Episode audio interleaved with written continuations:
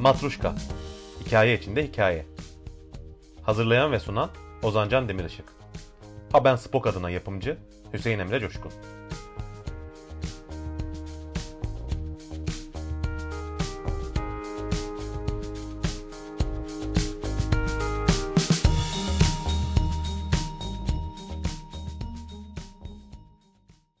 Merhaba, Matuşko hoş geldiniz. Bugünkü konuğumuz Fatma Cihan Akkartal. Eleştirmen ve çevirmen kendisi. Bugün Lovecraft konuşacağız Cihan'la. Neden Lovecraft konuşacağız? Merhaba. Önce bunu sorayım. hoş geldin. Merhabalar, hoş bulduk. Ee, Lovecraft niye konuşacağız? Onu çok seviyoruz. Ona çok şey borçluyuz. Çok sevdiğimiz filmleri, çok sevdiğimiz e, öyküleri, Lovecraft'ın mirasına borçluyuz belki.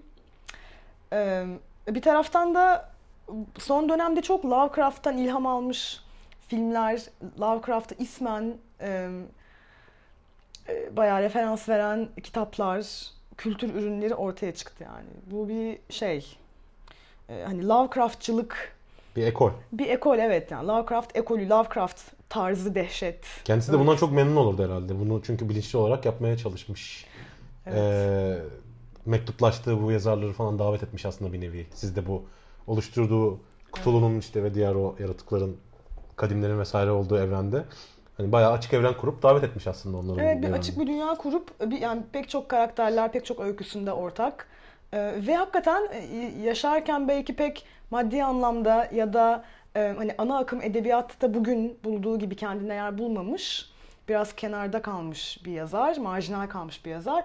Ama e, minyonları var yani takipçileri ve e, mektuplaştığı kanatları altına, o zayıf kanatları altına aldığı e, insanlar var. E, ve bu insanlar da yine yani bil fiil e, Cthulhu mitolojisine göndermeler yapmışlar. Onun yarattığı çeşitli konseptleri ve karakterleri ve mekanları kendi öykülerinde kullanmışlar. E, bu yani Lovecraftçı dehşet dediğimiz şey peki ne demek acaba? Kozmik dehşet, Lovecraft'ı Evet. dehşet ve Tuhaf öykü. tuhaf öykü. Tuhaf kurgu. Weird Tale. Ee, Belki biraz böyle hadisenin başlarına doğru gitmek gerek. Lovecraft'ın tabii ki e, kurgu işleri e, öncelikli olarak e, önemli ama bir de bir kurgu dışı bir makalesi var. Edebiyatta doğaüstü dehşet, doğaüstü Evet. korku, Evet. supernatural horror in literature. Bütün edebiyata bakışını, kendi edebiyatına bakışını da yani e, Evet, aslında Kendi özetlediği türüne, ve evet yani korku edebiyatının e, geçmişine ve geleceğine belki baktığı, geleceğine Kendi- tabii yazınında kurallarını koyuyor aslında. Hani ben bu kurallar Evet. çerçevesinde yazıyorum. Şahsen Evet. diyor. Hani bir estetik anlayışı ortaya koyuyor. İlk cümlesi bu şeyin en çok e, Lovecraft e, hani Lovecraft e, sözleri, özlü sözleri dediğimiz yani Twitter'da falan bu paylaşılması çok sevilen şeylerden bir tanesi. Bu cüm- bu makalenin ilk cümlesi aslında. O da şöyle. E, insanoğlunun en eski ve en kuvvetli hissi korkudur diyor ve korkuların en eskisi, en kuvvetlisi bilinmeze dair korkudur. Şimdi bu bize çok ipucu veriyor Lovecraft'ın hem korku anlayışıyla ilgili hem de e, durumlara birazcık tarihsel yaklaşımıyla ilgili. E, bir kere bilinmeyen korkusu, bilinmezin korkusunda şöyle bir vurgu var belki. E, burada rasyonel fakültelerin bir iflası söz konusu. Yani sen akılla yaklaşamıyorsun. Çünkü insan genelde akılla bilmeye e, alışkın. Bilmek deyince hani, hani bu bir rasyonel bir şey. Fakat burada diyor ki bilinmeyen bir şeyler var ve biz en çok onlardan korkuyoruz. bir çerçevede çizemiyor ona. Çerçevede çizemiyor evet yani daha doğrusu hani bile, aklımızın almadığı bir şeyler neler olabilir yani insanoğlu demesi de çok önemli bence. Çünkü burada bir evrenselliğe yönelik bir e, arayış var yani. Evrensel bir tasvir. E, ve bunu en küçük ortak noktasına indiriyor. Yani korku hisseden bir şeysin sen insanoğlu olarak. Ve tabii bu yine hani e, daha ırkların, ülkelerin falan olmadığı bir zamana bakıyor. Çok eski, antik bir döneme bakıyor yani. Bilinmeyen şeyler Lovecraft'ın öykülerinde çok önemli yer tutuyor. Bir, birer korku unsuru olarak. Tıpkı bu makalesinde makalenin başlangıç cümlesi yapacak kadar önemsediği ne bakılırsa aslında kendi yazdığı öykülerde de bu şekilde vaziyet. Ee, mesela çok şeymiş, Antarktika'yı çok severmiş. onun zamanında zaten 1920'lerde Antarktika e, henüz e, hani dünyanın en az keşfedilmiş, en az e, kendi yani oraya dair en az şey bilinen e, yerlerinden bir tanesi. Dolayısıyla e, bu tabii Lovecraft'ın korku öyküleri bir korku öyküsüne arka plan yapmak üzere kullanabileceği çok kullanışlı bir yer onun için yani haritalarında boşluklar olan e, hayal gücüyle her yeri doldurabileceği bir yer. Nitekim e, Deliliğin Dağları'nda da ortaya çıkıyor bu vaziyet. En meşhur eserlerinden biri, Evet. en önemli. Çok önemli bir eseri. e, Çok da güzel öykülerinden bir tanesi. Her öyküsü belki çünkü aynı şekilde başarılı değil edebi açıdan. Ama Deliliğin Dağları'nda da e, bugün de yaşadığımız bir durum var.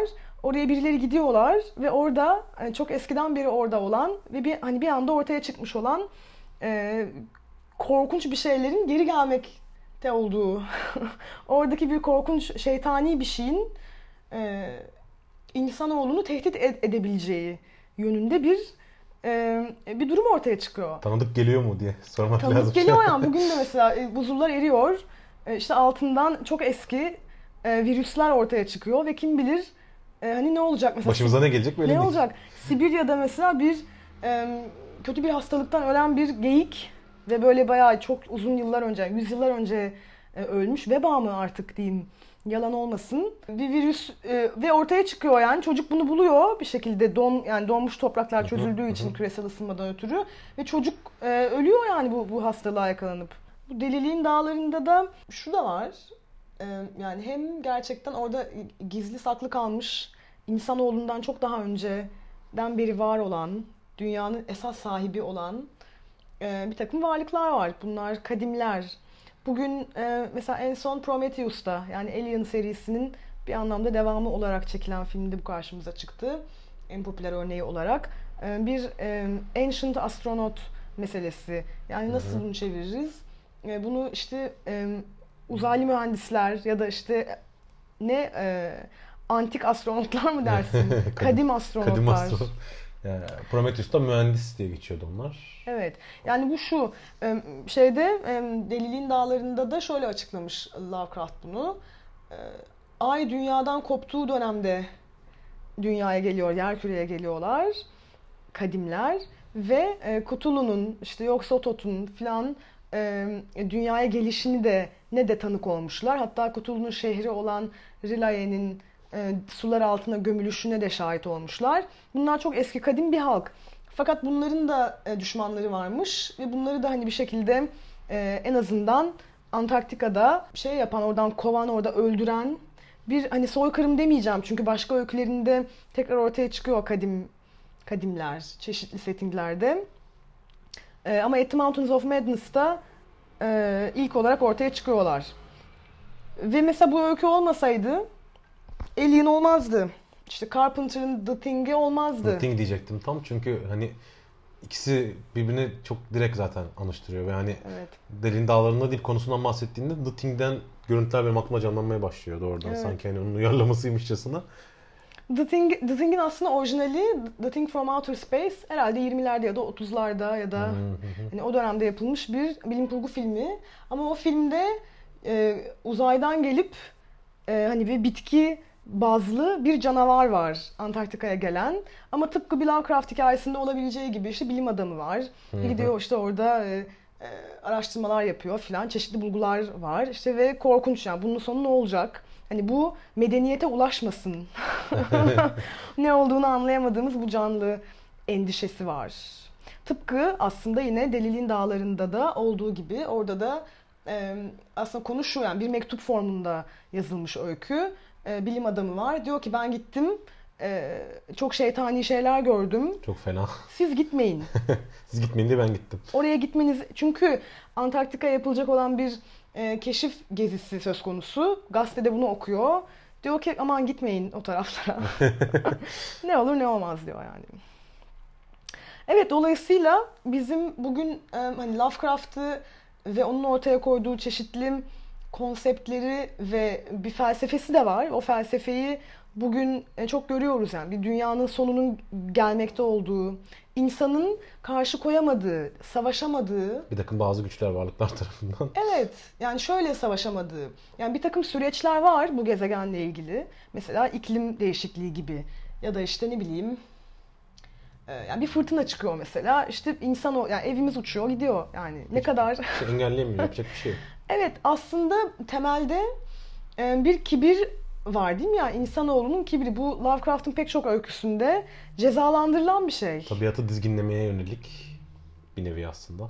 Ya da eee bilebileceğine yönelik bir şeyleri farkında olduğuna yönelik. Yani böyle baktığın zaman aslında bilimin kendisi de bu eleştiri okları altına tutulmuş oluyor. Çünkü ben hani pozitif bilimlerde ben evreni bilebilirim. Hani şu an hepsini bilemiyor Evet. olsam da zamanla bileceğim ve öğreneceğim diyor ki aslında tabii bilimin sürecinde hep bir şeylerin yalanlanması ve yeni şeylerin ortaya çıkması ve devam etmesine rağmen Evet. ya bir tür mantık var aslında hani düz mantıkla bakıldığın zaman hani işte şu zamandan bu zamana çok fazla şey keşfettik bunlardan eminiz demek ki en sonunda neredeyse her şeyi bileceğiz gibi bir mantık da var bir yandan. Yani bu hani aydınlanmacı düşüncenin kendisine karşı bir e, yani hınç demeyeceğim ama e, yani bir ölçüde bir eleştiri var. Zaten modern dünyadan da içinde yaşamakta olduğu ve hızla modernleşmekte olan dünyadan da çok hoşlandığı söylenemez Lovecraft'ın sanırım.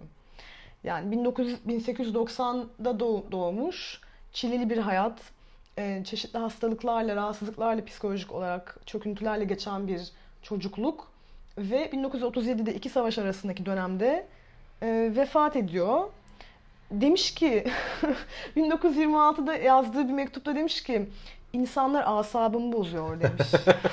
Hiç şaşırmadık. Asabım bozuk diyor yani. Çünkü ve o bir de e, yani bugün bu arada dedim ki yani işte hani Lovecraft'ın çeşitli konseptleri e, işte e, hani öykülerin arkasındaki felsefe ve çok da iyi ifade ettiği çeşitli yani çok mektup yazmış. En az Voltaire kadar yani yüz binlerce mektup yazdığından bahsediliyor. E, bu, bu mektuplarda da çok e, detaylı bir şekilde ortaya koyduğu bir felsefesi var dedik. Bugünü de ilgilendiren, bugün bize mantıklı, makul gelen. Fakat bir taraftan da bugün çok eleştirdiğimiz noktalar var kendisini. Irkçılığından bahsediliyor mesela. Giderek daha çok öne çıkıyor. Evet. Daha doğrusu yabancı düşmanlığı diyelim. Hmm, Yani- Xenofobia dediğimiz. Evet. Yani bir nativist bir yönü var. Ee, diyor ki ben Amerika'da doğdum. Buraya dışarılardan gelen kişilerden hoşlanmıyor yani. Aryan ırk vurgusu öykülerin içine de geçiyor çok fazla. Doğru evet. Ve zamanında yani Hitler'i desteklemese de ya hoşlanmadan da edemiyorum gibisinden bir cümlesi olduğunu Ya. duydum ben. Ee, doğruysa eğer. Ama eşi Yahudiymiş mesela. Bir sürü Evet. Yahudi arkadaşı var. Var ama bir yandan yani benim dediğim o Hitler'le ilgili cümle hani şey demiş. Manyağın teki ama e, sevmeden de demiyorum gibisinden. İşte bir weird'a yönelik bir hani tuhaf olan ne varsa buna Aynen tam bir çılgın demiş var. aslında adam için yani. Olur ya böyle tipler, aykırı Evet tipler. evet. ne yapsan ne yapsan yap hani illaki bir sempati hissedersin, engelleyemezsin kendini. Bu insan içindeki o oyunbaz taraf mı diyeyim artık hani Ya da böyle bir, hep doğru bir işlemeyen bir şey var ya insanda. büyülenme yani değil mi? Evet. Hani mesela tuhaf ve e, böyle şey olan, canavarca olan bir şeyden de yani süblim bir tarafı var çünkü. Yani Bir de hep doğru şeyi yapıyor olsaydık yani bu edebiyat da olmazdı aslında ya da hep her şey belli bu kadar mantık çerçevesinde gelişiyor olsaydı hep iyiyi sevseydik. Hani bir korku edebiyatından da bu keyfi de alamazdık bu arada. Belki bundan da bahsetmek lazım. Hani korku edebiyatından aldığımız keyif ve niye bu kadar keyif alıyoruz bundan. Tamam Evet, böyle şeyler bir haz aslında değil mi? Evet. yani? Bunları konuşuyoruz, bir mantığa oturtuyoruz ya da üzerine bir ne bileyim analiz yapmaya çalışıyoruz kendi haddimizce. Ama bir yandan da bunu sadece böyle bir hani bilimsel bir şey için yapmıyoruz. Bir yandan da okurken büyük bir keyif alıyoruz o hissettiğimiz şeyden ve e, giderek de aslında korku edebiyatına, korku sinemasına, korku sanatlarına diyeyim olan ilgi artıyor aslında. Yani giderek artıyor. Öyle mi acaba ya? Böyle bir böyle bir şey var evet. Yani böyle Bana öyle geliyor, var. bilmiyorum. Ama her zaman e, mesela 80'lerde de böyle bir şey varmış. Ya gerçi bak şimdi hani şey yapmayalım. Şimdi haddimizi aşmayalım belki ama dünyanın sonunun ge- gelmesiyle ilgili fantazilerin arttığı dönemlerde e, hani korku ya da bilim kurgu gibi türler, fantazi gibi türler de revaçta oluyor daha çok. ya mesela 80'lerde değil mi? Bir Dev bir patlama yani sinemada. Niye? Çünkü işte 80'ler dediğimiz süreç 89'da duvarın Berlin duvarının yıkılmasıyla sona eren bir yani bir şeyin sonunun gelmesinden bahsediyoruz yani. Şeyde de öyle. Lovecraft'ın da belki tavında dövüldüğü e, durum bir yüzyıl sonu e, hissiyatı, ikircikli bir hissiyat. Yani hem bir atılım var bilimsel açıdan yeni keşifler, işte insanlık durumunun durumuna katkıda bulunan e, ne bileyim işte bir sürü iletişim alanında olsun, e, işte sanayi açısından olsun bir sürü gelişmeler var. Ama bir taraftan da insanların serbestçe dolaşması ve işte oradan oraya gidilmesi adama diyorken benim asabım bozuluyor yani adamcağız şeyi kaldıramıyor. Bütün bu modernleşme hadisesinin Küreselleşmekten de hoşlanmıyor. küre... küreselleşmekten Herkes kendi hoşlanmıyor. dursun. Abi ama bunu şu, şuraya kadar ilerletmiş yani. Çeşitli şiirlerinde hani biz onu iyi bir şair olarak tanımıyoruz belki. Edebiyat tarihi onu öyle kaydetmemiş Lovecraft'ta ama çeşitli şiirlerinde özellikle açıktan açığa bir e, hani insan dediğin nedir? E, hani ve dü- daha düşük kalitede, düşük seviyedeki insan diye bir şeyin tasvirini yapıyor. Ama ben yine de ya açık konuşmak gerekirse e, şey e, buna konduramıyorum yani ırkçılık kadar vulgar bir vulgar bir şeyi. Çünkü yani belki de şu belki insan sevmezlik demeliyiz. Çünkü diyor ki aslında bütün külliyatından benim e, en çok aklımda kalan benim ondan aldığım ders insan türünün nafileliği yani ölüm var diyor. Değil mi? Ö- Yani ve hiçbir şeysin. Yani Ne kadar yüce olabilirsin? Yani mesela o kadimler ya da kutulu yok yok Sotot gibi varlıklar varken sen burada hani e, o zamanki yaşam süresini bilmiyorum da 50-60 sene yaşayan bir e, yaratık olarak hani niye bu kadar kasılmak neden? Bu kadar e, yücelik arzusu neden? Ya sürekli kendini bir e, büyük görmeye çalışmak ya da büyütmeye çalışmak neden gibi bir algı var herhalde. Değil mi? Yani düz düz bir şekilde bakınca hikayelere evet yani başka hani gerçekte mesela gerçekten okyanusun dibinde kutulu var mı yok mu bilmiyoruz. Ama ama şöyle bir fantazi var evet. Yani insan e, insanoğlu ve bütün medeniyet dediğimiz şey e, geçici bir hadisedir diyor yani. Bir transient transient bir incident demiş. Transient incident. Ne demek istiyor yani? Geçip gidiyorsun kibirli olmana hiç gerek yok. Bunu bir sürü öyküsünde yani mesela işte e, şey e, hani e, ceza gören karakterlerine bakalım yani. Mesela Değil mi? Haddini bilmeyen evet yani karakterler var hep. haddini bilmeyen ve e, şey yapan Kaldırabileceğinden fazlasını öğrenmeye, sırtlanmaya çalışan evet ya da burnunu sokan insanlar var aslında hep. evet öykülerinde öyle insanlar var. Okumuş etmiş daha fazlasını bilmek isteyen insanların görmezden geldiği, kaçındığı, kaldıramayacaklarını baştan fark edip hiç burnu sokmamak. Hep bir şey var ya öykülerinde köylüler var. Biliyorlar ama hani bir yandan kaçınıyorlar vesaire. Evet evet değil mi? Üstüne gitmiyorlar Evet yani. evet ama bir yandan okumuş insan belki bir yandan baktığı zaman bu da bir modernizm eleştirisi mi acaba? Bu da bir aydınlan Olabilir evet. aydınlanma eleştirisi mi? Yani hani çok da üzerine gitmeyeceksin bazı şeylerin. Yani bu da bir hadsizlik gibi görülebilir. Şey demeye çalışmıyorum tabii bu kadar da kısadan hisse bir şey Evet. değil ama yani burada bahsediyorsak biraz uyandırdığı bir tip bir e, tekrar eden bazı şeyler var. Yani hani Evet. her şeyi de bu kadar dibine kadar kurcalaman gerekmiyor belki senin iyiliğin açısından. Çünkü sonunda geberiyorsun, deliriyorsun, korkudan korkudan altına yapıyorsun. Çok deliren çok insan var gerçekten. Herkes deliriyor sürekli. Burada şöyle belki şundan biraz bahsetmek gerekebilir. Yani bu yine edebiyatta doğaüstü dehşet makalesine dönecek olursak kısaca.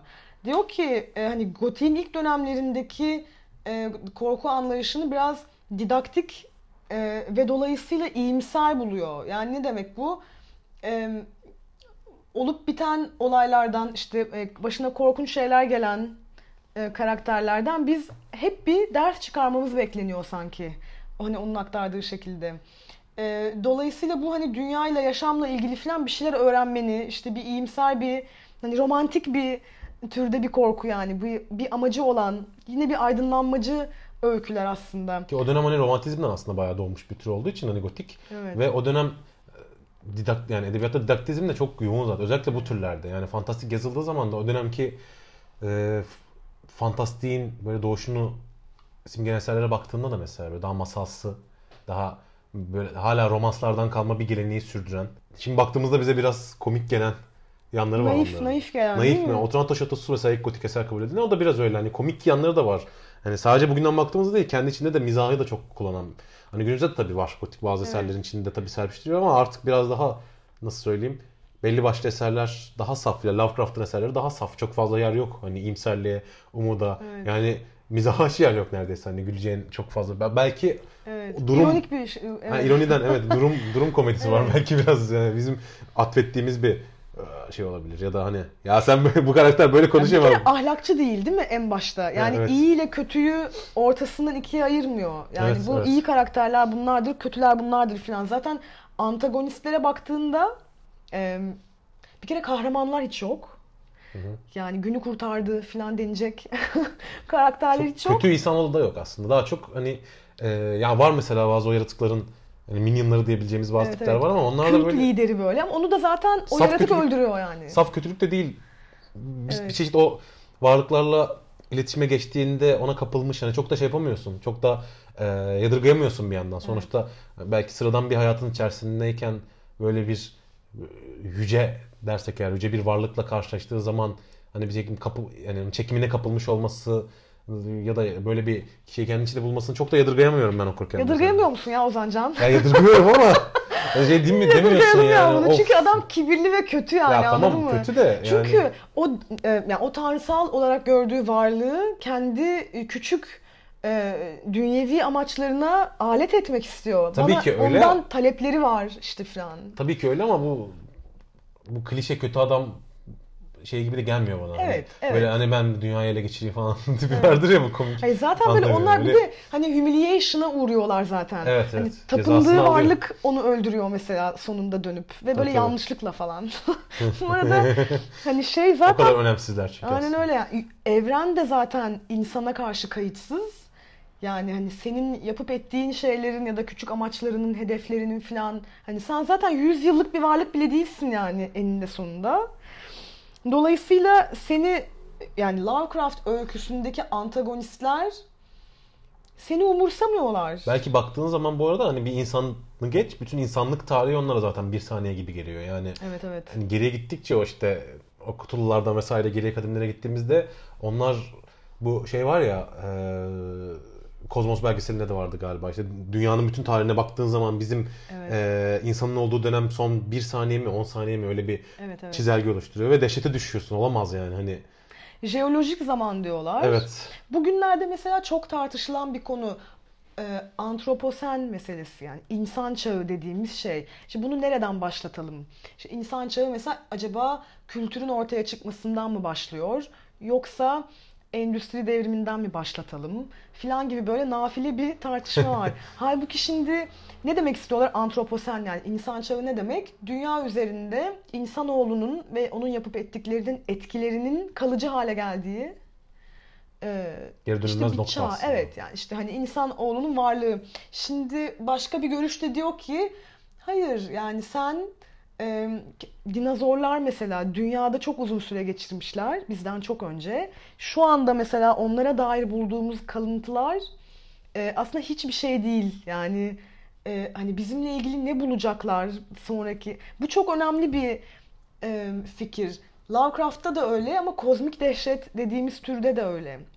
Yani insanın e, insanın gerçekten ve mesela dedim ya hani bir ahlak anlayışı var. Hani iyi ile kötünün ötesinde bir ahlak anlayışı söz konusu mesela Lovecraft'ta. Kozmik dehşette de keza. Yani e, hani senin konuların hakikaten geçici ve sadece senle ilgili yani dünyanın sana ihtiyacı olmadığı gibi üzerinde Şimdi tabii ama şöyle bir durum var. Diyecektim ki dünya üzerinde e, hani o kadar da önemli bir etkimiz yok insanoğlu olarak. Ama bir taraftan da bu argüman e, bugün iklim e, değişikliğini ve bunun üzerindeki insan faaliyetinin etkisini azaltmak isteyen bir görüş var. Evet. Yani bizim yapıp ettiklerimiz çok önemli değil falan. Biraz Şu açıdan- uydurmak gibi oluyor yani. Yok biz o kadar yapamayız zaten hani ne olacak Evet, evet. falan filan. Ama şöyle bir durum var. Sonuçta biz aslında e, iklim değişikliği üzerindeki hani insan etkisini konuşurken şunu demek istiyoruz belki de. Hani insanın yaşayabilirliğinin sürdürülmesi açısından yani kendi bindiğin dalı keser durumdasın. Evet. Dünyaya bir şey olmuyor. Dünyanın yok olacağı yok aslında. Hani dünya Bizim varlığımız zorlaşacak. Evet, Bizim aynen öyle. alacağımız nefes zehirlenecek. İşte bizim içtiğimiz su e, azalacak, yok olacak ya da gene o da e, zehirlenecek. Evet yani Saflığını, senin yaşam koşullarını yitirecek. sen aslında Orada bile kendimizi düşünüyoruz yani aslında Evet. yani. Hani hep şey muhabbeti var ya hani gelecek nesillere iyi bir dünya bırakalım. Orada bile aslında insan insanı düşünüyor. Yani bunu çok da hani insanın en iyi halini bile çok da büyüce bir yere koyamıyorsun sonuçta hani. e, Sonuçta gene insan hep ön planda olmak zorunda. Belki de olmak zorunda çünkü insana hani kendisi için sıfır çıkar sağlayacak bir şey söylediğin zaman e, o, o onu etkilemeyecek. Tamamen senin şartların iyileşecek demezsen o belki o ne bileyim plastik atığına dikkat etmeyecek anlatabiliyor muyum? Böyle baktığın zaman insan en iyi haliyle bile çok mu karamsar konuştum şu an? ya çok karamsar konuştun ama Biraz da öyle oldu. Hani Lovecraft da bugün olsaydı şunu di- diyecekti belki de. Ya bu kadar kibirli olmayın yani. Dünyayı yok ediyor değilsiniz. Ha, evet. Sadece hani kendinizi yok edebilirsiniz. Hani Şu da var hani bu kadar işte dünyayı etkiledik medeniyet falan diyoruz da insan yok olduğu zaman diyelim ki işte zamanla yıkıntı haline gelecek bu binalar, cihazlar ne işe yarayacak ki belki yani ben düşündüğüm zaman onu çok öngöremiyorum. Yani o Evet. medeniyet yani başka bir canlı tarafından sürdürülebilecek mi? Veya atıyorum yeni bir insan ırkı doğarsa hamam çok, böcekleri. çok uç mutasyona uğramış yarı insan yarı hamam Aynen. böceği. Hani düşündüğün zaman belki insan çok değiştirdi falan diyoruz ama yok olduktan sonra belki bunlar anlamsız bir şey olarak kalacak ve ya o sıfırlanacak yani bilemezsin o kadar. Ya Çünkü biz neticede herhangi bir şeyle ilgili bir projeksiyon yapmaya kalktığımızda yine insan ölçeğinde düşünmek evet. mecburiyetindeyiz. Mesela yani şöyle bir senaryo var işte. Ee, hani insanlık gitti, e, silindi tamamen. Şimdi nükleer santraller e, hani bir süre daha çalışır, bir süre sonra hani yönetilmediği için e, hani belki de ve hızlıca patlayıp gidecek yani oralar. Hı hı. Bir şekilde meltdown olacak, ne olacaksa. E, onunla beraber atmosfer değişecek. E, işte filan ama sonra yani bir noktadan sonra var. evet yani. Bunu düşünüyorsun ama belki başka bir şey de alacak onu öngöremiyorsun ya da Evet. hiç göremediğimiz hala dünyada hiç hani keşfedilmemiş az da olsa yer var orada ne olduğu belli ya da denizin altında hala okyanusta keşfedilmemiş şeyler var ne olacağı hiç belli değil. Evet. Yani böyle deyince de çok basite indirgemiş oldum ne olacağı belli değil ama aslında e, Lovecraft'ın bahsettiği de bu müpemlik değil mi biraz yani hani Evet. ne olacağının belli olmaması ve orta, daha doğrusu ne olduğunun bilinememesi. Yani e, hala keşfettiğimiz şeyler aslında belki evrende bir noktacık bile değil. Yani şu anda hani bilim çok ilerledi dediğimiz zaman ki o ilerleyiş belki hani biz nasıl geçmişe bakıp da Aa işte şunu bilmiyorlarmış bilmem ne dediğimiz zaman e, bundan bir sene sonra bize de yaşıyor olursa insanoğlu denmeyeceği, denmesi çok yüksek ihtimal mesela. Evet. Hani, e, tamamen her şeyin Evet. tersine dönmesi de yüksek ihtimal. Bildiğimiz çoğu şeyin hani bizim yaşam süremizde bile hani doğru sandığımız şeylerin tersine döndüğünü gördüğümüz için sağlık alanında işte bilim alanında e, zararlı denen şeylerin yararlı yararlı denen şeylerin zararlı addedilmesi. Sonuçta sen hani içinde yaşadığımız sistemin sonunu hayal etmek, dünyanın sonunu hayal etmekten daha zor. evet. Anladın mı? Yani bu sistemin e, hani sonuna gelmesi, sürdürülemez hale gelmesini e, hayal edebilmektense insanoğlu kendiyle beraber dünyanın da ortadan kalkmasının fantazisini kuruyor.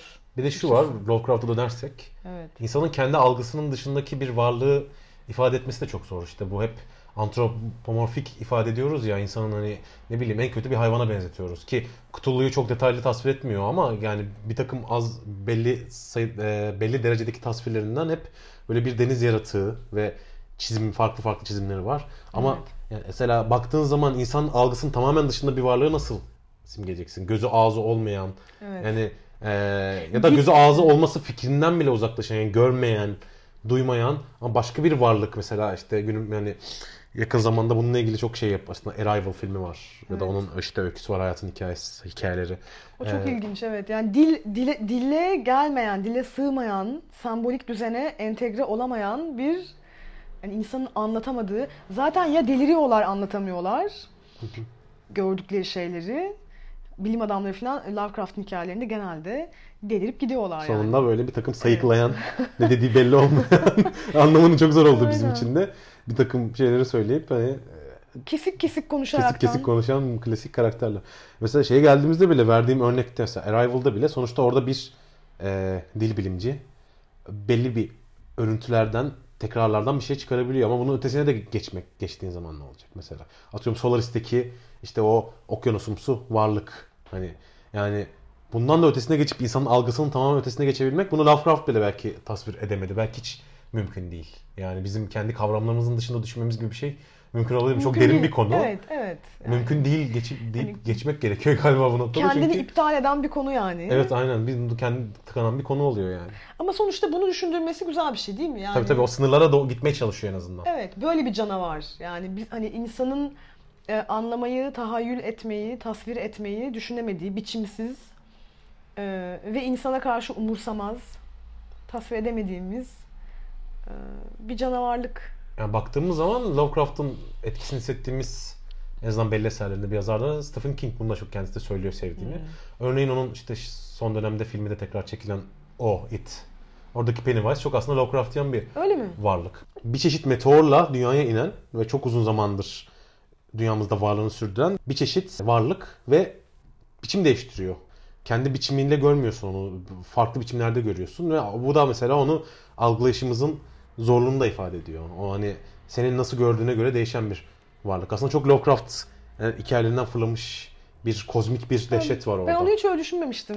Aslında öyle baktığın zaman hani öykünün belli bir noktasından sonra onun hafiften izlerini vermeye başlıyor. Yani film uyarlamasında da ikinci filmde de o konuya giriyor. Hani aslında kadim bir varlık yani aslında Lovecraft'ın kadim varlıklarının arasına koyabileceğin, hiç sırıtmayacak bir şey. Sadece Stephen King'in anlatım şekli çok farklı. O Abi hep insani bir yerden evet. bakıyor çünkü. Ya bence hani Lovecraftçı bir yönü vardıysa bile onu bir palyaço suretinde göster yani Pennywise olarak gösterince o kaçmış yani Lovecraft'ı kaçmış yani o öykünün. İlk, ilk başta o şey kuramıyorsun zaten. Hani ilk başta o bağlantıyı kuramıyorsun. Evet evet. Hani Yani bakamıyorum zaman- bile bazen mesela Pennywise'a gerçekten. Derine indiğin zaman e, o palyaço halde e, en çok bilinen hali ama e, palyaço dışındaki şekilleri vesaire de var. Ve hep o gene görmek ve algılamakla alakalı. E, çok tabi şimdi it incelemesine dönmesin bu Evet, kayıt evet. ama The Mist'ten bahsedilir Stephen King ve Lovecraft deyince. Evet o da var doğru. Yani iyice görün, görünmeyen hani bir şeylerin arkası, sisin arkasında kalmış, saklanmış bir şeylerin çıkması. Yaratıkların çıkması vesaire.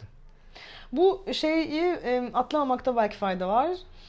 Dedik ya e, hani gotiğin ilk dönemine romantik bir korku anlayışına, didaktik bir şey öğretmek isteyen ve dolayısıyla insan doğasıyla ilgili iyimser olan korku öykülerindense kozmik dehşet buna nasıl e, e, yani nasıl da bununla paylaştığı bir nokta hiç yok.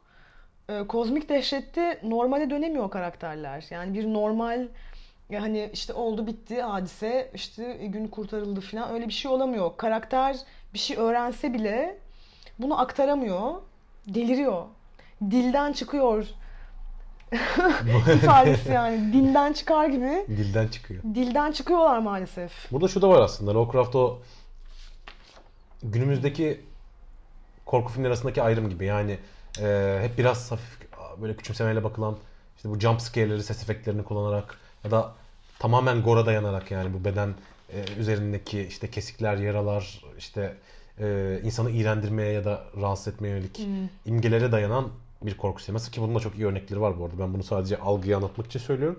Ee, bir de hani artık günümüzde bazı yönetmenlerin işte James Wan, Ari Aster vesaire ee, daha estetik bir yerden daha ee, yine insanın ee, psikolojisini ve insanın varlığını dair sorunları in- irdelemeye çalışan. Hani bu her zamanki aslında hani bir üste konulan daha saygıyla bakılan sanat ve bir takım bir, biraz daha böyle hor görülen sanat. Aslında çok da belli olmuyor bu Evet. ayrımlar. Yani belki Lovecraft'ın e, küçümsediği yazarlardan bazılarını biz şu anda e, saygıyla anıyor olabiliriz. Hani o isimleri tek tek bilmediğim için ya da kimden bahsettiğimi bilmediğim Evet. için o örneği veremiyorum ama ama Lovecraft'a geldiğimiz zaman şöyle bir durum var. Aslında şunu söylemeye çalışıyor bence bir nevi. Hani onunla o edebiyatın ilgilendiği konular çok küçük şeyler diyor. Yani hani karakterlerin o dilden çıkması, kendilerini yitirmeleri, akıllarını yitirmeleri falan da biraz bununla ilgili. Yani ilgilendikleri, içine düştükleri konu zaten çok hani bütün evreni ilgilendiren ve bütün insanlığı yok edebilecek ya da bütün insanlığı bu şekilde dehşete düşürebilecek bir şey çünkü yani Evet. hepsini yani bütün insanlığı Evet. bu dilden çıkarabilecek bir büyük bir durum var aslında. Ve şöyle yani bütün insanlığı hiçbir niyeti ve hazırlığı yokken e, ortadan kaldırabilecek kuvvette e, varlıklardan bahsediyor. Şeye ben biraz takıldım ya. Evet mesela Lovecraft'ta öyle çok pek fazla pek fazla değil. Neredeyse hiç kan revan e, hani gore dediğimiz e, vaziyetlerle karşılaşmıyoruz ama bir beden dehşeti konusu var. Var tabii. Yani ne olduğu belli olmayan bedenler, abomination dediğimiz yani garabet, hani işte insanla e, mesela şeyde Dunwich orada var bu. Yani korkunç bir yaratık yani. Yoksa tot e, yanılmıyorsam Yoksa Tot'la bir tane kadıncağızın sevişmelerinden doğan ikizlerden bir tanesi mesela bir korkunç bir canavar yani. Ee, şeyden bahsetmek belki yararlı olabilir. Ee, hani Lovecraft'ın bütün bu bahsettiğimiz konseptleri, fikirleri ne kadar e, orijinal acaba? Yani aslında e, çeşitli kendi öncülü olan yazarlar ki bunlardan bu işte doğaüstü e, korku, edebiyatta doğaüstü korku makalesine de bahsediyor. E, hani Robert Chambers var, William Hope Hodgson var. Arthur Machen. Arthur Machen ki bu e, Dunwich e, dehşeti e, mesela onun Büyük Tanrı Pan diye mi çevrildi? Ulu Tanrı Pan Yüce mı? Tanrı Pan en son Yüce çeviri. Tanrı Pan. Büyük Tanrı Pan diye de bir çevirisi var. Evet oradaki bir fikirden mesela. Şey bu arada hani Poe'dan bazı paragraflara gelene kadar yani Doğrudur. etkilenmişliğini gizlemediği ve örnek aldığı aslında bir yazar ciddi, ciddi anlamda. Arthur Machen. Maken değil mi? Evet yani weird denilen hadiseyi belki de hani oradan çok ilham almış yani evet. Ee, Şey Yüce Tanrı Pan da öyle. Yani orada da insanın aslında aklının almayacağı bir şey işte o Yüce Tanrı Pan'ı görmek dedikleri o deneydeki gibi boyuta geçip aslında ve hani gene insanın aklının hayalinin durması, aklı hayalin durması diye tanımlayınca bu adamlar hep bir bilim adamlarıyla bir problemleri evet var yani. alıp denemedikleri mi? Böyle bilim adamının e, hani bilimin kötü ellere geçmesi diye bir şey var mesela. hani o- hani Yüce Tanrı Pan'da mesela bilim adamı diyor ki yani bu tanrı e, bir tanrısal bir varlıkla bir kadını çiftleştirsek onları karşılaştırsak acaba ne olur? Merak kediyi öldürdü meselesi. Ama bugün bunu biraz demode bulan insanlarla karşılaşıyorum ben. Hani bilim korkusu, hani teknolojiden korkmaya devam ediyor insan. Bu çok ilkel hani e, primal bir bir korku belki. belki insanın geride bırakamadığı bir korku gibi, bir tür pranga gibi belki. Mesela yapay zeka hadisesinden çok korkuyoruz değil mi? Yani işte dünyayı ele geçirir mi? Skynet olur mu işte filan. Ya şimdi sonuçta insanoğlu yönetiyorsa eğer bunu olmaması lazım. Yani, Yani. izlediğimiz filmlerdeki gibi ol- olmazsa Hayır ama bir de şu Hep var. o da çok etkili tabii bu arada yani bu izlediğimiz filmler çok Evet. etkisi var bu korkularda. Hani belki hiç onlar olmasa bu korku bu derecede ye- yerleşmeyebilirdi. Ben tam tersini söylerdim. Öyle mi? Bence korkularımızdan Da ötürü bu sağlıyor? filmler var. Yani bunlar Ha, ha, bir ha. takım kolektif e, hani hezeyanların, anksiyetelerin e, ortaya çıktığı, ortaya konduğu filmler. Yani niçin- Araçlar değişiyor. Yani teknoloji geldiği zaman bu teknoloji de kendini Evet. buluyor. Yani niye Lovecraft bugün mesela bu kadar popüler? Çünkü şu an belki de hani dünyanın kafasına takılan bir takım konuların üstüne gitmiş yani. Hani Belki ama orada dediğim, senin dediğin de doğru, belki benim dediğim de doğru. Şu anlamda hani bir tür kısır döngüye dönüşüyor zaten. Orada bir döngü döngü Doğru. var. Senin dediğin gibi öyle bir kolektif korkudan yola çıkılıyor ama Lovecraft'ın etkisini şu an bahsediyoruz. Ya da işte bir filmin de etkisine bahsediyoruz. Mesela Terminator bütün dünyayı etkileyen ve hani e, popüler kültüre ve insanların zihinlerine e, nakşedilmiş bir film mesela. O artık hani o korkuyu belki büyüten bir noktaya da geliyor olabilir gibi. Kendi görüşümü biraz evet. savunayım. Ama şu mesela Lovecraft bugün yazmıyordu sonuçta. O dönemde yazmış. Tabii. Alıcı bulamamış kendine. Yani onu okumamışlar. şu an öyle yazık ya.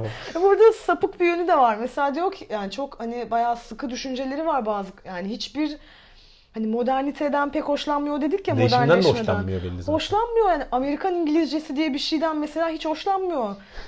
diyor ki ben color kelimesini e, hani ikinci hecesini o harfiyle yazmayacağım ben. O, O. U'yu yazacağım ben. İngiliz hani İngilizce dediğim Değiştirin, bir şey bu. değiştirmeyin şu. Bu Evet. hani şey ecdad, ecdadımızın dilini okuyamıyoruz. Muhabbetinden çok farklı bir şey değil aslında. Asabım bozuluyor demiş ya. İstemem demiş. Bu arada Color demişken Color Out of Space Lovecraft'ın en sevdiğim öyküm dediği bir öykü. en iyilerinden biri denebilir. Evet. 1960'lardan bu yana sinemaya uyarlanmış olan da bir film. Bir sürü e, hani ondan esinlenmiş olan ya da birebir uyarlamaya çalışan e, filmler var. Şimdi hikaye şöyle. E, ne oluyor? Yani uzaydan bir varlık geliyor ve etki alanına yani dünyaya düştüğü yerde e, de- e, yarattığı etki alanı içindeki canlıları DNA'sını değiştiriyor, mutasyona uğratıyor. Bitkiler hayvanlara karışıyor filan. Böyle korkunç bir e, bir hikaye. Bunu e, bugün tuhaf kurgunun harika çocuğu dediğimiz dedikleri daha doğrusu Jeff Vandermeer e, yazarı adlı yazar Annihilation yani o bir üçleme aslında. Hı hı. Bir üçlemenin parçası fakat sinemaya da uyarlandı. 2014'te yazılmış roman ama 2017'de mi? 2018'de mi? Sinemaya da uyarlandı. Ben hatta onu izleyince dedim ki bu hani Color Out of Space'in yani o varlığın e, hani beyaz perdedeki en başarılı, en isabetli e, şeyi dedim. E, Zaten yani e, görsel hale getirilmiş versiyonu. öykü okuyunca oradaki imgeler de çok akılda canlanıyor. Bu Think konusunda da benzer bir şey söylemiştim ama burada da var. Yani hangi sırayla okursan oku e, ikisi birbirinde imgesel anlamda çok yankı buluyor bence ki biraz da ayrıksı bir öyküsü bence. Yani her zamanki tarzından biraz uzaklaştığı bir öykü bence. Çünkü mesela bir oradaki o çiftçi miydi?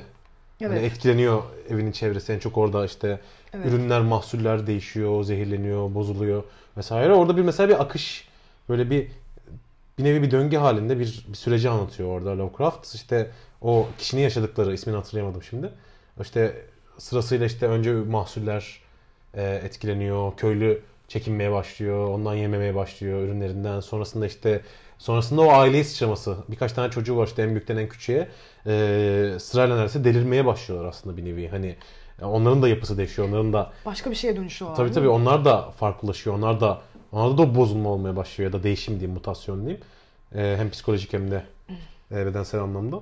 Ve hani Lovecraft'ın normalde o işte mektuplarla vesaire anlattığı biraz daha ağır ve süreci daha kesintili anlatan şeyine burada böyle çok dinamik bir akış var aslında. Yani arada bir büyük bir bölümde e, o hikayeyi takip ediyorsun ve işte o Annihilation'da da gördüğümüz tipte o değişime uğramış, DNA'sı bozulmuş, mutasyona uğramış ve bozulmuş da demek doğru değil tabii. Bize aykırı geliyor aslında. Hani bizim algımızdan farklı. Evet yani başka bir şeye dönüşmüşler. Evet. Bu öyküyü uzun buluyorlarmış ya. Çok uzunmuş bu öykü. Allah Allah kim demiş bunu? yani yazıldığı dönemde illa bir kulp takacaklar ya Lovecraft'a o dönemde. Neyse evet yani bu işte Van der Meer'in şeyinden hani Annihilation'dan uyarlanan filmde Alex Garland'ın. Alex Garland'ın filminde evet çok önemli bir senarist. O Ex Machina ile yapay zeka konu korkusuna da girmişti aslında. Evet yani tuhaf e, tuhaf kurgu denilen hadisenin gerçekten iki parlayan yıldızı yani Jeff Van der Meer ve e, Alex Garland. Hı hı. E, bu şeyde e, bence hani Annihilation'da beden dehşeti dediğimiz şeyin de en korkunç örneklerinden bir tanesi. Bir ayı saldırıyor karakterlere ve sonra bir süre sonra ortaya çıkıyor ki e, karakterlerden bir tanesi, kadınlardan bir tanesi ayıyla bir olmuş. Bu ayı başka bir sahnede bir daha saldırıyor onlara ve ağzını açınca e, kadının sesiyle yardım istiyor. hani bir taraftan saldırırken çok çok korkunç asla akıllardan gitmeyecek olan bir e, çok korkunç bir sahne. E, beden dehşeti dedik. Color Out of Space'te bu arada şimdi yeni bir uyarlaması daha var e, sinemaya gelecek. Bekliyoruz. Nicolas Cage, Nicolas Reis oynuyor. Doğrudan. Lovecraft uyarlamaları en azından yakın dönemde çok fazla değil. Genelde etkilenen filmleri çok görüyoruz. Doğru evet. Ee, ama doğrudan onun eserlerin uyarlanması yani tabii var. Hani belli bir süreç içerisinde baktığınız zaman belli uyarlamalar var. Ama böyle çok akılda kalıcı son dönemde yok mesela. Artık hani görmeye başladığımızın da işareti bu da bir anlamda. Evet. Heveslendirici. 80'lerde falan olmuş çok tabii. Evet. Ama şimdi işte yani bir de bu arada hani e, sinemaya aktarıldığında e, değişen derecelerde başarılı oluyor Lovecraft öyküleri. Bazılarını aktarmak çok kolay değil. Evet, yani Akışı motamot aktarıldığında- değil. Evet. Evet yani böyle şey hani çok e, demode yani Hı. nereden baksan. hani Biraz Ama- öyle evet. Tabii kült mertebesine erişen filmleri de mutlaka var. Bu Color Out of Space'e bakalım merakla bekliyoruz. Yani umarım Herbert West üzmez. filmleri var değil mi? Herbert West var evet Reanimator ki o da çok ilginç bir örnek. E, e, yam yam zombi meselesi ilk orada var. Yani adı zombi diye konmuyor tabii. Yani Herbert West'in ölümden geri getirdiği e, yani bir çılgın bilim adamı. meselesi. Evet. e, hani ölümden geri getirdiği ve tabii ki değişmiş olarak geri gelen e, insanlar konusu var. E, şeyi bu e, yani beden dehşeti deyince tabii başka nasıl bir örnekler olabilir Lovecraft evreninden? Yine böyle pek kan revan e, şeyinde olmayan Burada da Lovecraftian aslında beden Evet. dehşeti. Yani atıyorum Cronenberg'in beden dehşetiyle çok paralel olmasa da farklı bir yönden bakma evet. aslında yani. Orta Mesela nokta- demin ya- yapay zeka dedik. Şeyde belki ilginç bir örnek, yani bu, bu açıdan düşünülebilir. Karanlıkta Fısıldayan öyküsünde. Şimdi spoiler bayağı vermiş olacağız. Ve, veri- veriyor muyuz? Verelim galiba. verebiliriz. Ee, Yoksa konuşmak çok kolay olmuyor. Doğru. Bu Ee, arada şu an buraya atlayacaksanız e, İtaki yayınlarından sevgili Can Akkartal'ın çevirisi reklam yapayım mı? Okuyabilirsiniz. Ya, evet, ben o öyküyü çevirdim aynı zamanda. Evet. Ve çevirirken şunu fark ettim. Ee, şimdi orada böyle dehşetler iç içe geçmiş. Yani öykünün sonunda ya diyorsun ki bu adamın beynini çıkarıp kutuya koyup uzaya götürüyorlar. Yani bu korkunç bir şey tabii. Bir kere sırf bunu akılla canlandırmak inanılmaz korkunç bir şey. Bir yandan biraz bilim Evet. kurgusal bir korku. Ve hani o beynin çalışmaya devam edecek olması. Yani ona vaat edilen bir şey var. Hani sen buna izin ver. Biz senin beynini buradan götürelim. Ee, hiç kimsenin görmediği şeyler göreceksin O yani. sırada beden de yaşlanmıyormuş falan filan gibi Ha. bir takım avantajlar Yalandan yere Reklam yani. kampanyası gibi evet Aynen. işte bedeninize de hiçbir şey olmayacak. Ama bu bunun aslında bu korkunun yani bu bu dehşet unsurunun arkasında şöyle bir şey de var. Ee, ve bu birazcık da tabii yapay zeka e, e, hadisesinin de belki altında nabız gibi atan korkulardan bir tanesi.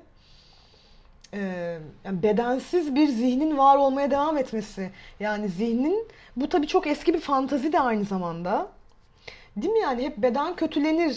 İnsanın neredeyse ölümlülüğünün bile e, suçu bedene yükleniyor yani. Beden hep e, yeterli İhanet gelmeyen eden, bir evet, şeydi aynı ihanet zamanda. eden bir şey. Hem ihanet eden hem yeterli gelmeyen hani her türlü anlamda.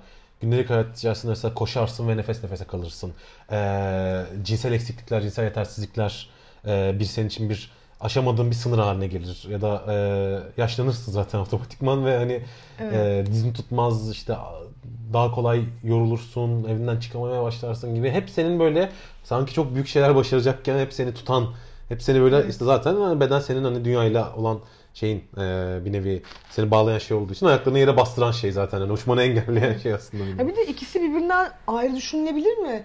Yani bedensiz bir varoluş nasıl bir fantezi? Mesela bunu bu böyle bir fanteziyi gizliden gizliye içten içe Lovecraft'ın da kurmuş olabileceği aslında tahmin edilebilir.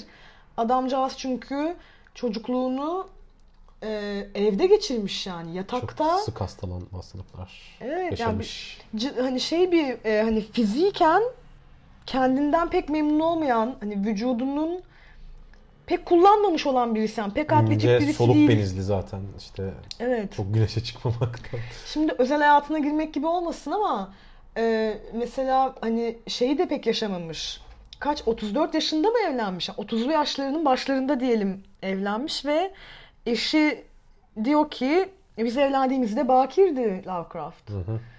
Yani bunu tabii bu çok fazla bilgi Lovecraft'la ilgili ama sonuçta yani bedeniyle ilgili bir hani keşke başka türlü olsaydı. Ee, ama bir taraftan da tabii e, zihni de zihni problemleri ve belki de ır- hani ırsi yani miras aldığı e, bir şey de var ortada. Anne babasının evet. e, hani yaşadığı bir takım sinirsel çöküşler ve hastaneye yatırılmalar. Yani belli ki zaten hani hem sağlık anlamında sor- sorunu var hem de psikolojik açıdan da saplantıları çok bariz olan Evet ama yine de bu ikisini de birbirinden ayrı düşünemeyiz yani Mut- mutlaka ki E, tabii.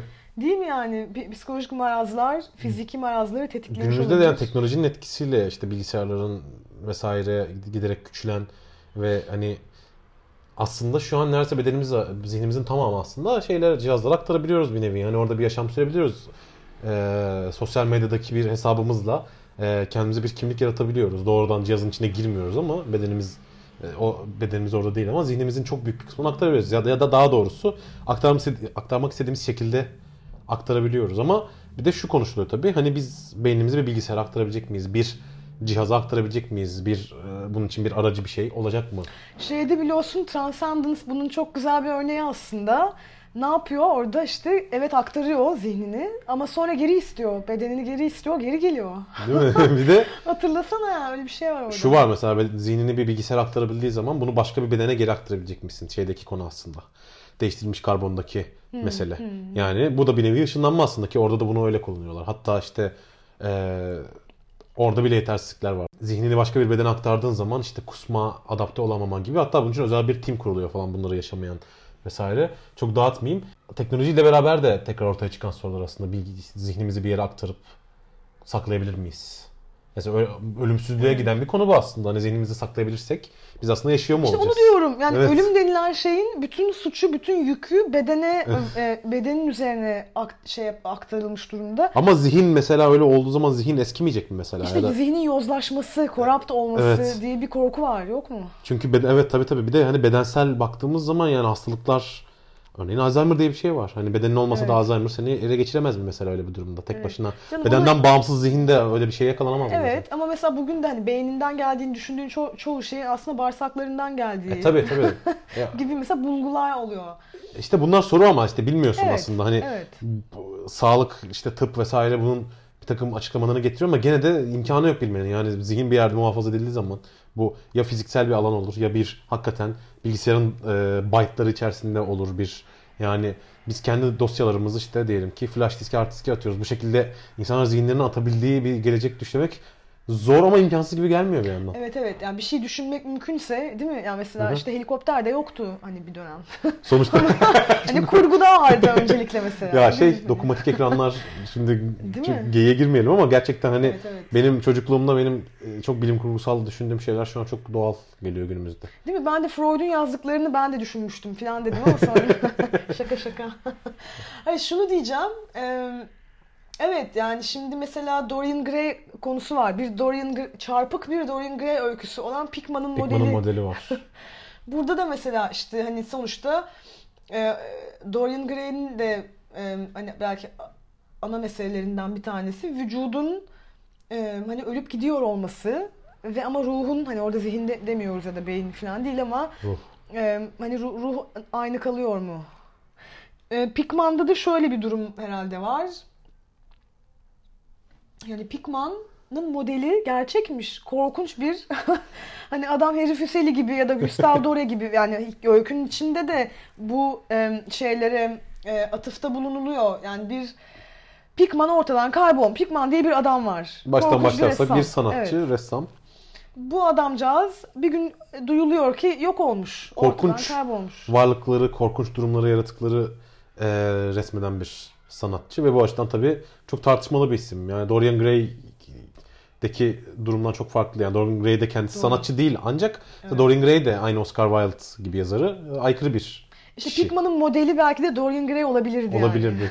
Enteresan bir fikir aslında. Yani. İlginç evet. Günümüzde böyle yeniden yazımlar ve birleştirmeler yapılıyor ya işte. Doğru. Aşk ve gurur ve zombiler.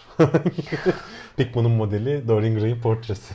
Yani e, orada da mesela korkunç olan şey gerçekten adamın bir modeli varmış. Yani bir, bir yere bakaraktan çiziyor olması değil mi yani en korkunç. Okumayanlara yani. yazık spoiler falan diyeceğim ama biraz da bariz aslında o okuduğun zaman Evet. hissettiğim bir şey. Orada önemli olan zaten bence Lovecraft'ın çoğu öyküsünde o sürprizler aslında çok da sürpriz değil. Önemli olan oradaki eee onun o anlatma biçimi ve sende uyandırdığı hissiyat çok önemli aslında gibi Evet. geliyor bana. Ya tabii ki olay örgüsünün ve yaşanan şeylerin önemi var ancak yani bu şu an günümüzde okuduğumuz gibi Aa, işte sonunda şöyle bir sürpriz var gibi çok okunacak bir yazar değil bence.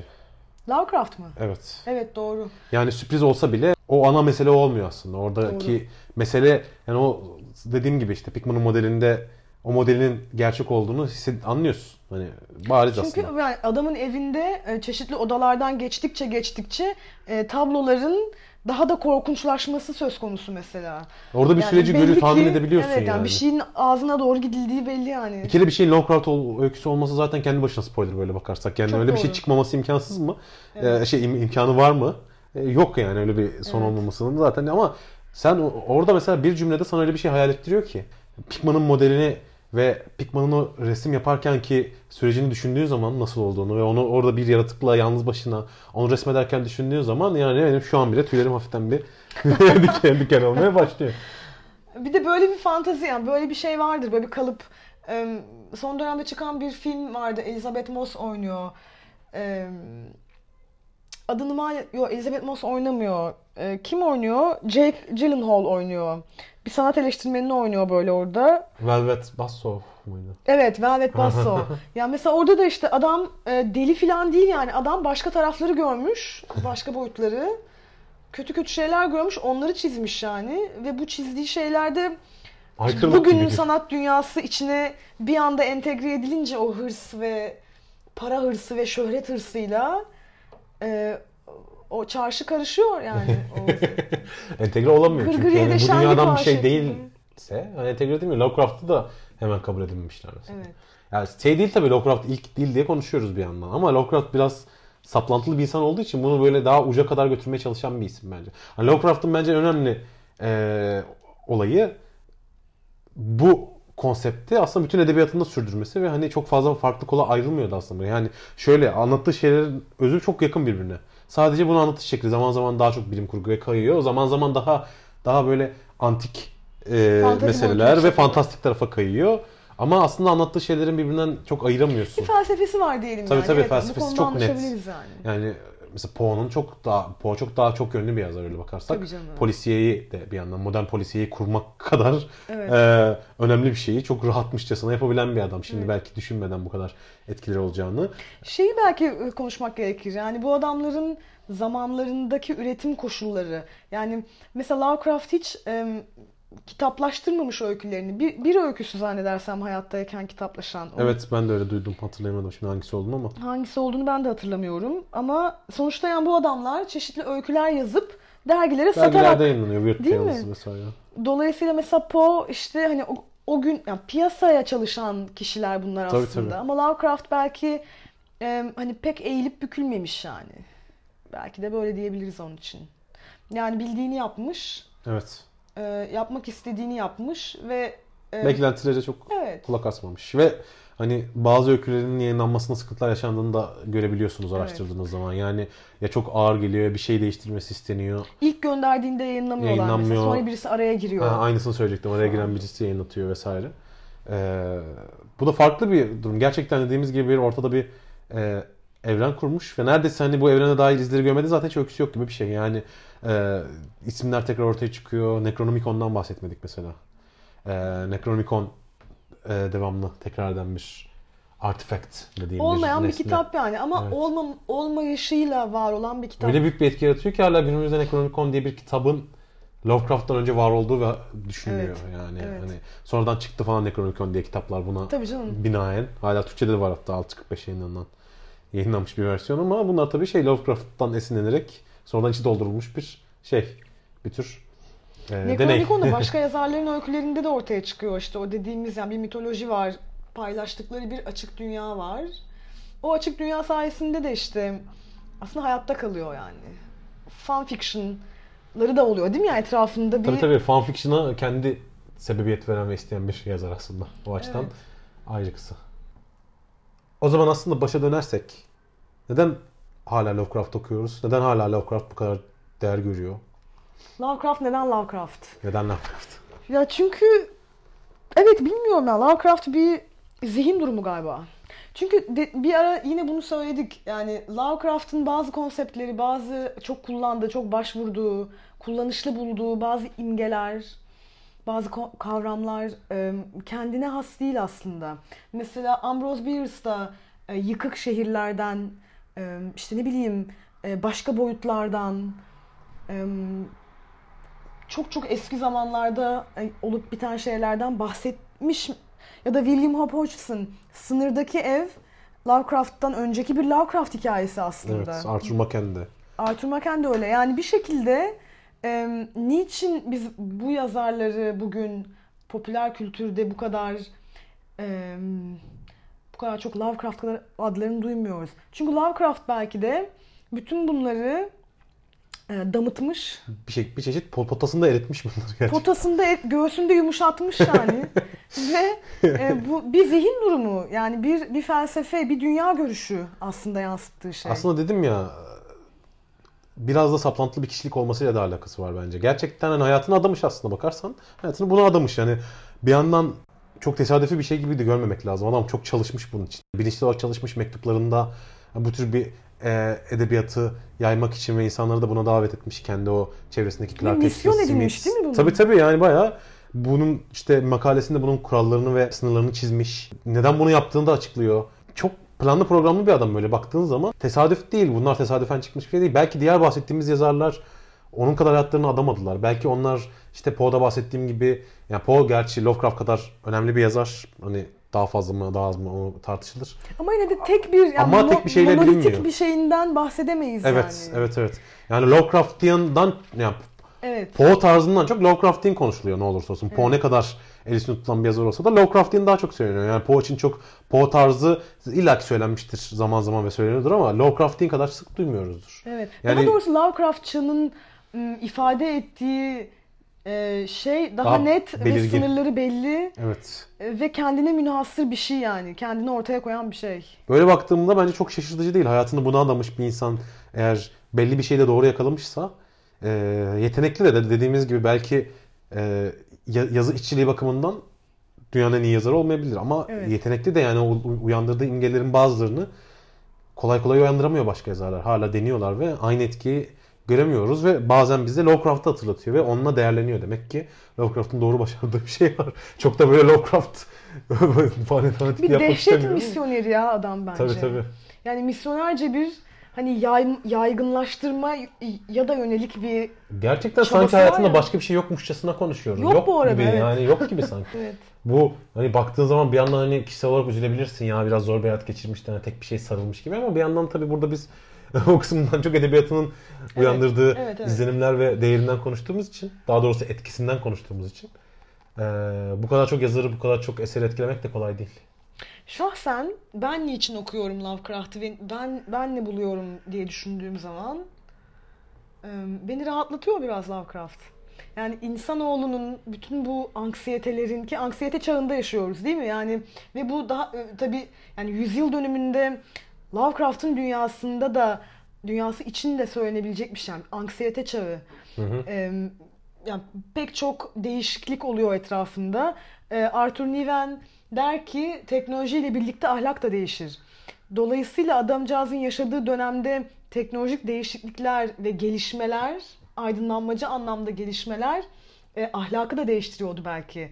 Yani bir paradigma kaymasının olduğu bir dönemde yaşadı ve buna bir reaksiyon gösterdi. Bu değişimler Lovecraft'ı biraz korkutuyor da belli ki işte. Plüton'un. Plüton gezegeninin keşfini falan hikaye ediliştiriyor ve orada ona bir dehşet imgesi yüklüyor mesela. Yani orada o, keşfedilen gezegenin kötücül olduğu ve içinde bazı yaratıklar, varlıklar olduğunu falan dayanıyor. Yani Abi burada farklı bir bugüne- farklı bir durum.